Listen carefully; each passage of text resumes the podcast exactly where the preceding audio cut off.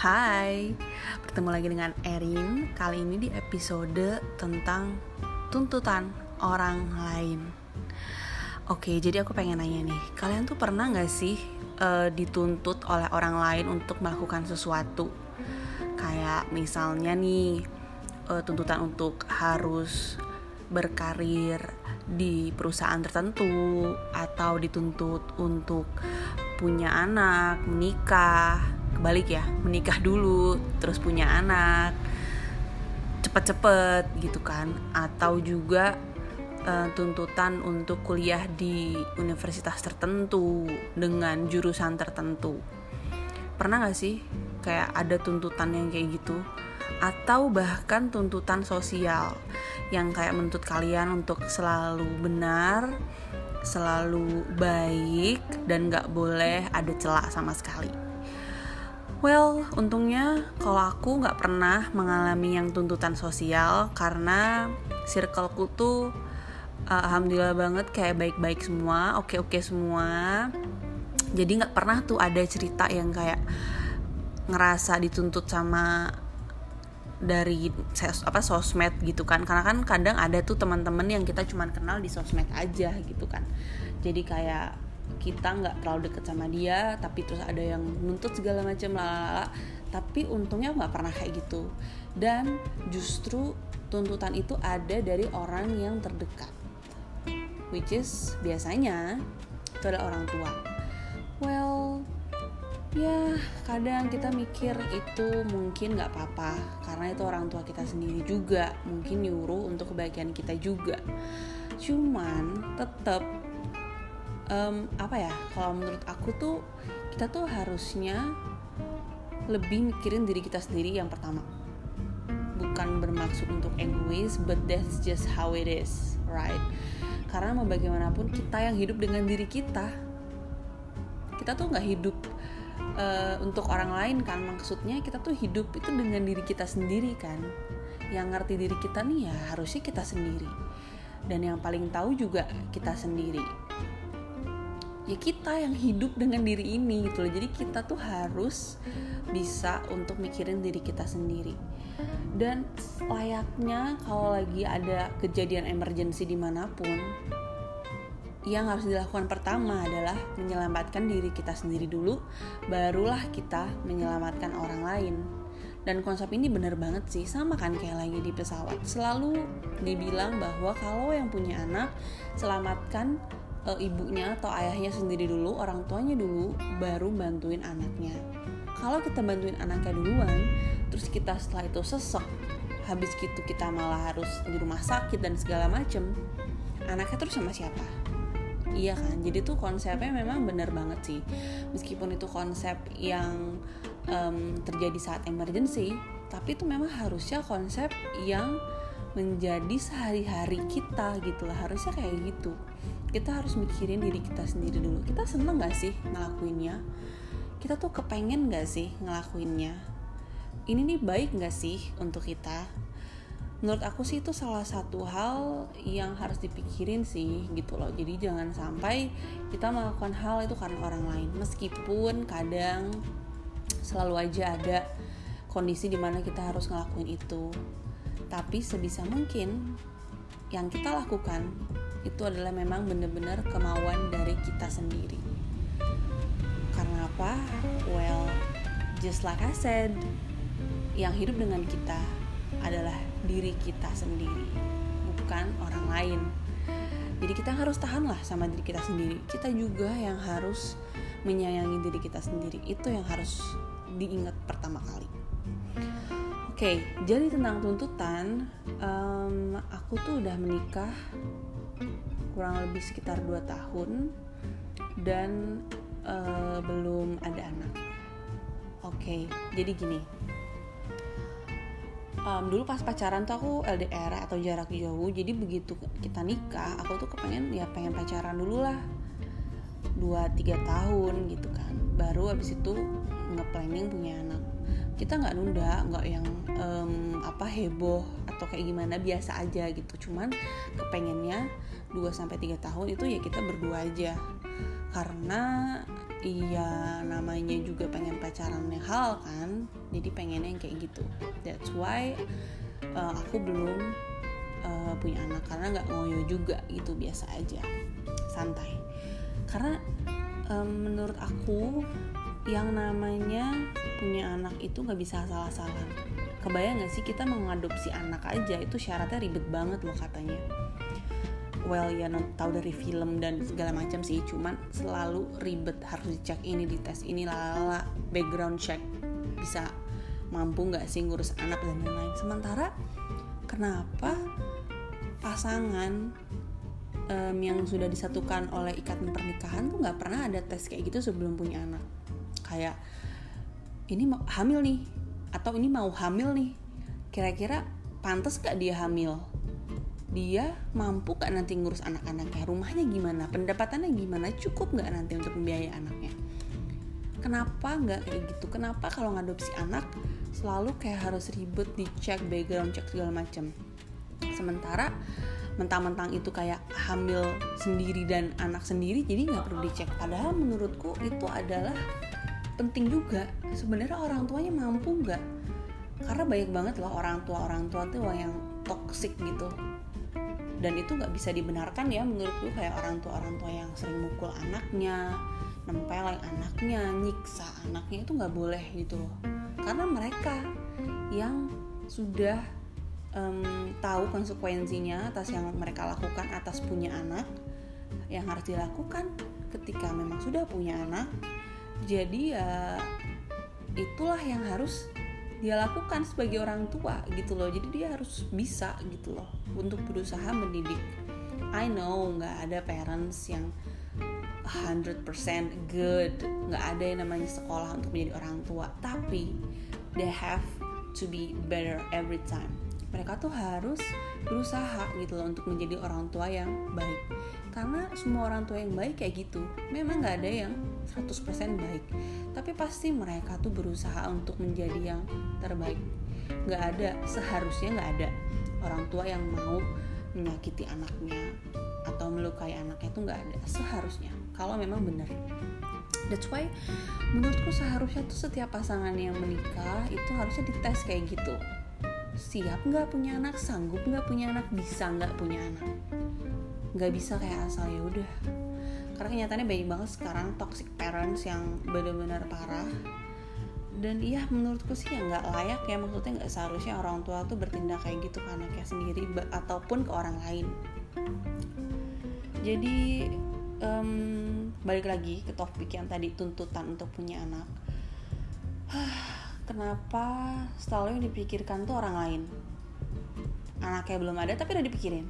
Kayak misalnya gini kamu umur udah berapa udah mau 30 belum punya anak. Nanti anakmu umurnya 20 kamu udah 50 oke? Okay. so iya jadi nanti kamu udah pensiun anakmu belum kuliah belum apa belum lagi nanti pernikahannya ngebiayainnya dan segala macam. Oke okay, anaknya belum ada tapi udah dipikirin sampai kayak gitu. Gimana kalau orang tuanya udah tua ketika anaknya udah beranjak dewasa iya menurut aku ya ya terus kenapa gitu loh? Why?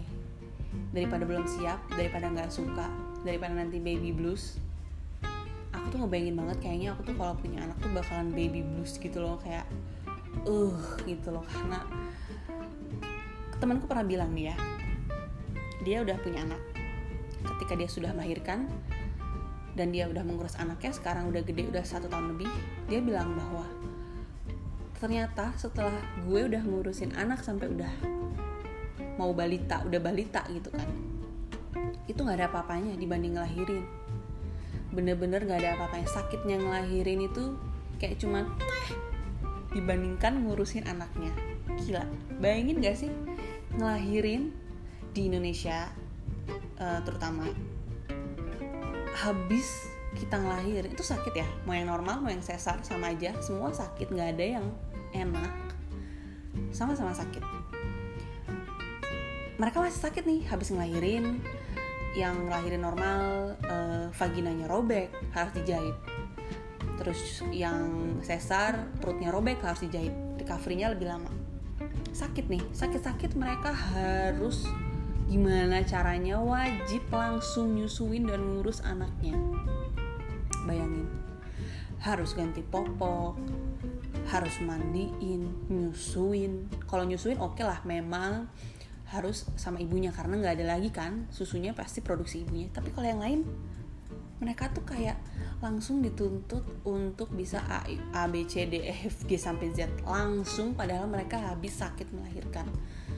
Itu kan hormon lagi nggak benar mood lagi nggak benar badan ini lagi sakit jiwa nggak tahu deh. Mungkin happy. Bayinya cakep bayinya cantik bayinya sehat lengkap nggak ada kekurangan apa pun. Tapi sakit loh. Badan itu sakit loh. Meskipun katanya jangan dirasain lah. Mind over body gitu kan. Kayak yang penting tuh pikiran. Pikirannya positif ini tuh positif. Nggak bisa. Sakit tuh sakit aja. Nggak ada ceritanya kayak misal lo ditusuk nih sama pisau gitu kan. Atau sama pensil dah. Nggak usah yang jauh-jauh. Ditusuk sama pensil. Tangan lo. Dulu kan zaman sekolah kan suka kayak gitu ya main-mainan kayak gitu. Tangan lo ditusuk sama pensil. Terus udah aja gitu. Nggak sakit? Ya sakit lah. Mau gimana? Oke. Okay. kita tanamin pikiran. Nggak sakit nggak sakit nggak sakit nggak sakit nggak sakit nggak sakit. Aw pasti tusuk jadi kayak it, it doesn't make sense for me sakit ya tetap sakit ibu tuh pasti tetap butuh pemulihan tetap butuh istirahat yang banyak tetap butuh waktu bahagianya dia sendiri Oke, okay, jadi aku kemarin sempat nonton di TikTok gitu kan. Dia itu uh, nganalogiin gini. Yang namanya punya anak itu kayak gini. Ada dua orang mau sepakat nih eh bikin project bareng yuk. Uh, yuk yuk yuk yuk boleh deh yuk gitu kan. Yang cowok ngajakin nih bikin project. Oke. Okay. Tapi dia cuman bawain uh, misalnya kertas sama pensilnya doang udah kan udah nih eh habis itu dia cabut udah aja sama kayak ketika hamil kan kita kan hamil sendiri dia cuman apa namanya membantu proses di awal habis itu ibunya lah yang ngandung yang melahirkan jadi proyeknya dikerjain sendiri gitu kan habis itu ngelahirin juga ngelahirinnya uh, dia sendiri gitu yang mengalami tapi begitu sudah lahir proyeknya, begitu sudah lahir bayinya, yang diklaim hebat dan menang adalah dua-duanya. It's like wow.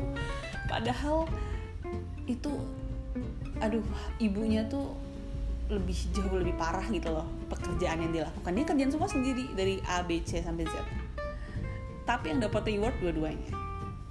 Kayak gitulah ya kurang lebih. Dan itu menurutku bener banget. Dan memang suami paling biasanya support dan apa segala macam. It's okay. Nggak apa-apa memang kayak gitu. Memang kodrat yang wanita adalah hamil dan melahirkan. But one thing that is missing yang orang-orang itu nggak pernah atau suka lupa nanya adalah kamu kepengen gak sih punya anak? Iya kan? Kayak sebenarnya pengen gak sih? Mau nggak sih untuk punya anak? Nggak ada yang nanya gitu. Nggak ada. Paling cuma nanya ayo kapan punya anak? Kapan punya anak? Kok belum punya anak? Loh udah nikah berapa lama kok belum punya anak juga? Nanti keburu tua loh. Keburu awet nggak ada yang nanya. Eh gimana? Jadi kamu kepengen gak sih sebenarnya punya anak? Nggak ada cuma adanya nyuruh nyuruh ngomong ngomong ngomong kayak gitu aja. Padahal belum tentu loh orangnya tuh kepengen punya anak satu. Kedua bisa jadi dia sudah berusaha tapi masih belum mendapatkan hasil. Ketiga bisa jadi dia memang ada kondisi kesehatan. Keempat bisa jadi dia udah berusaha mati-matian setengah mati dah pokoknya udah beh udah segala macam. IVF apalah apalah yang udah sampai ratusan juta tapi masih belum goal juga. Bayangin kalau ditanyain pertanyaan kayak gitu. Pertanyaan kapan punya anak kapan punya anak? Kayak oh my god. Kayak kalaupun punya anak kan kalian gak bantu hamil. Gak bantu ngelahirin. Kalau bantu gue ngurus masih ya masih mungkin oke okay lah ya kalau misal orang tua. Tapi kan yang lain nggak yang sakit gue. Yang sakit perempuannya. Memang bener hamil ngelahirin itu adalah kodrat. Tapi kan sakit. Ya kodratnya tuh ya sakit gitu loh. Dan jujur aku adalah orang yang nggak punya toleransi tinggi terhadap rasa sakit. Jadi toleransiku tuh rendah banget. Jadi well ya begitulah. Kayak gitu loh. Jadi hamil dan melahirkan itu adalah um, apa ya seharusnya tuh ditanyakan mau nggak sih sebenarnya lo tuh hamil? Mau nggak sih lo tuh punya anak? Gitu. Nggak bisa semerta-merta asal main nyuruh-nyuruh aja karena yang sakit kita kayak aku pernah denger di podcastnya si Chef Yuna juga pernah denger si Justin Bieber ngomong bahwa misalnya ditanya pengen gak sih punya anak? Ya terserah istri gue because it's their body.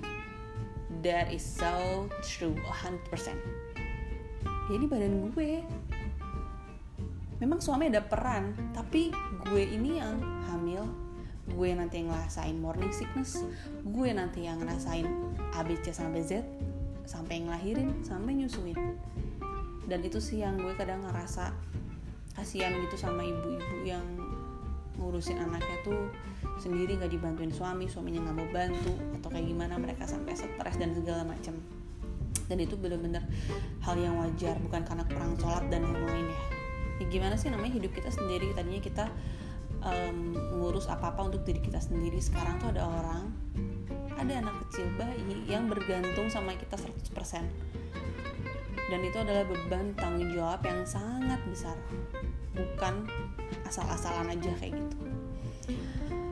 Jadi untuk semua perempuan-perempuan yang banyak dituntut ini itu ABCDFG harus berkarir tinggi gaji besar terus plus dan harus bisa juga ngurus rumah plus harus bisa ngurus anak hamil melahirkan plus ngurus suami juga cakep. Eh uh, pokoknya semuanya we are in this together. Kita nggak perlu harus um, mengiyakan semua tuntutan itu. Bahkan nggak perlu mikirin sama sekali. Karena adalah hidup kita bagaimana kita um, menjalankannya itu terserah kita. This is my life this is our life.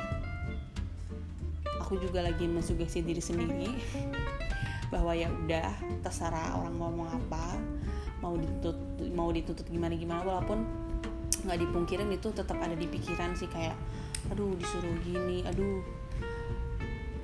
si ini udah segini si apa namanya adek udah segini gue kok masih gini-gini aja. Saudara kakak udah begini gue kok gini-gini aja gitu. But you have to remember we have to remember setiap orang punya journey-nya masing-masing. Setiap orang punya jalannya masing-masing. Dan kita punya usaha kita masing-masing. Dan ingat juga bahwa tujuan akhir kita itu bukan di dunia tapi di akhirat. Jadi mau kita mikirin dunia kayak apa? Ya terlalu banyak gitu loh gunanya. Karena harus kita pikirin kehidupan kita yang abadi di akhirat. Jangan terlalu pusing sama kehidupan dunia. Kita jalanin sebaik yang kita bisa. Se maksimal mungkin yang kita bisa seoptimal mungkin yang kita bisa. Dan ya itu sih. Aku juga lagi menanamkan itu. Jalan orang tuh beda-beda. Sama kayak yang si pencipta KFC itu dia baru sukses di umur 50-an sebelumnya usaha juga nggak terlalu berhasil baru sukses ya di umur 50-an mungkin kita akan seperti itu mungkin kita akan sukses di umur 35 di umur 40 di umur 45 50 who knows yang penting kita tetap berusaha tetap hidup untuk diri kita sendiri dan bukan untuk orang lain Oke, okay, sampai sini aja podcastku. Semoga menyenangkan untuk didengar. Sorry ini ada suara-suara noise karena lagi hujan cukup deras di Malang. Tapi mudah-mudahan malah nambah suara ini ya, menambah suara uh, calm gitu, bikin calm karena karena dikarantina hujan. Oke, okay, kalau gitu, um, oh ya, aku juga ada podcast satu lagi bareng teman-temanku, namanya Coffee and Pie. Jadi di situ kita akan lebih seru-seruan uh, sama teman-temanku. Kita akan bahas berbagai macam. Ada um, tentang traveling, tentang Korea, drama Korea, terus juga tentang K-pop kan, terus tentang pekerjaan kantoran, tentang mental health dan segala macam. Nah, itu bakalan uh, seru-seruan karena kita bertiga cewek-cewek rumpi yang udah kenal dari lama dari zaman SMA. Which is aku SMA itu di tahun 2006. berarti udah 14 tahun wow Oke, okay, kalau gitu, thanks for listening. Don't forget to follow and listen to my podcast. Kem kemungkinan seminggu bisa sekali atau dua kali nanti kita lihat, oke? Okay? See you soon. Bye bye. Have a nice day.